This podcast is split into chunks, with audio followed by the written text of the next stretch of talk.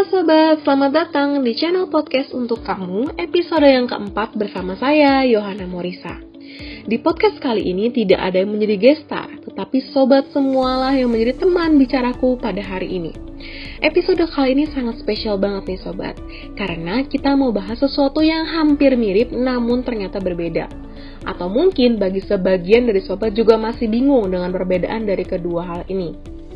Yap, hari ini kita mau sama-sama bahas mengenai radio broadcast dan podcast. Tahukah sobat bahwa dua hal ini ternyata berbeda loh.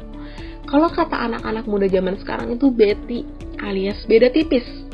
Radio broadcast dan podcast memang sama-sama media ataupun cara untuk menyampaikan pesan kepada masyarakat.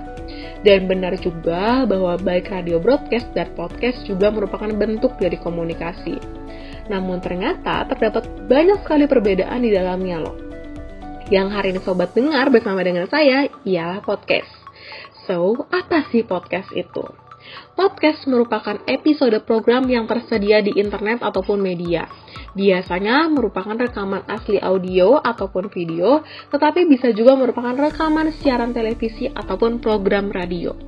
Kini podcast telah banyak digunakan oleh masyarakat untuk mendengarkan berita, ilmu pengetahuan, sharing pengalaman, sharing pengetahuan, dan sifatnya dapat diulang. Interesting bukan? Jadi, kalau sobat mau dengerin podcast itu lagi nih, sangat bisa loh. Bahkan podcast itu juga bisa kamu unduh. Sudah banyak sekali platform media yang menyediakan ribuan podcast dengan berbagai tema di dalamnya. Hal ini tentu bisa menjadi kelebihan tersendiri dari podcast dibandingkan dengan radio. Bahkan, sobat juga bisa mendengarkan podcast sambil menunggu kereta, membuat sarapan pagi, sambil menyantap sarapan, dan banyak momen lainnya. Selain itu, podcast juga bisa dimasukkan ke dalam gadget sobat supaya lebih praktis. Bahkan kalau dari segi pekerjaan nih, podcast juga sekarang bisa menjadi ladang investasi yang baru namun berbiaya rendah karena apa? Karena podcast tidak memerlukan stasiun radio. Pendengar memiliki kesempatan yang sangat luas untuk dapat memilih serta mengunduh topik yang sesuai dengan selera mereka. Contohnya, kalau aku suka dengan topik edukasi, aku bisa memilih hanya topik edukasi saja yang aku dengarkan. Kalau aku suka konten yang menginspirasi hidup aku, yes, aku hanya mendengarkan satu topik itu saja tapi setidaknya ada ribuan kategori topik yang bisa sobat pilih di berbagai platform dari podcast. Beberapa kategori tersebut ada art, bisnis, komedi, edukasi, games dan hobi, kesehatan, musik, politik, dan masih banyak lagi.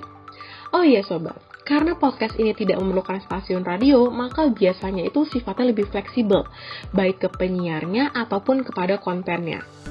Lalu, apa sih radio broadcast itu? Dan apa juga perbedaannya dengan podcast? Nah, kalau radio broadcast biasanya disiarkan secara langsung dengan jadwal siaran yang telah ditentukan seperti tayangan televisi. Siaran radio juga dibatasi oleh batas geografis wilayah dan gak bisa diputar lagi. Dalam siaran radio, penyiar juga punya waktu yang terbatas. Hal ini karena radio itu memiliki banyak sekali topik bahasan yang berbeda-beda sehingga penyiarnya ini nih harus membagi waktu dalam setiap siarannya. Berbeda dengan podcast yang biasanya hanya fokus kepada satu topik pembahasan saja. Misalnya nih kalau di radio broadcast, penyiar memberitakan mengenai artis A yang baru mengeluarkan album. Lalu setelah itu ia memutar lagu, kemudian membahas arus lalu lintas. Setelah itu update mengenai satu dan lain hal. Nah, kurang lebih seperti itu.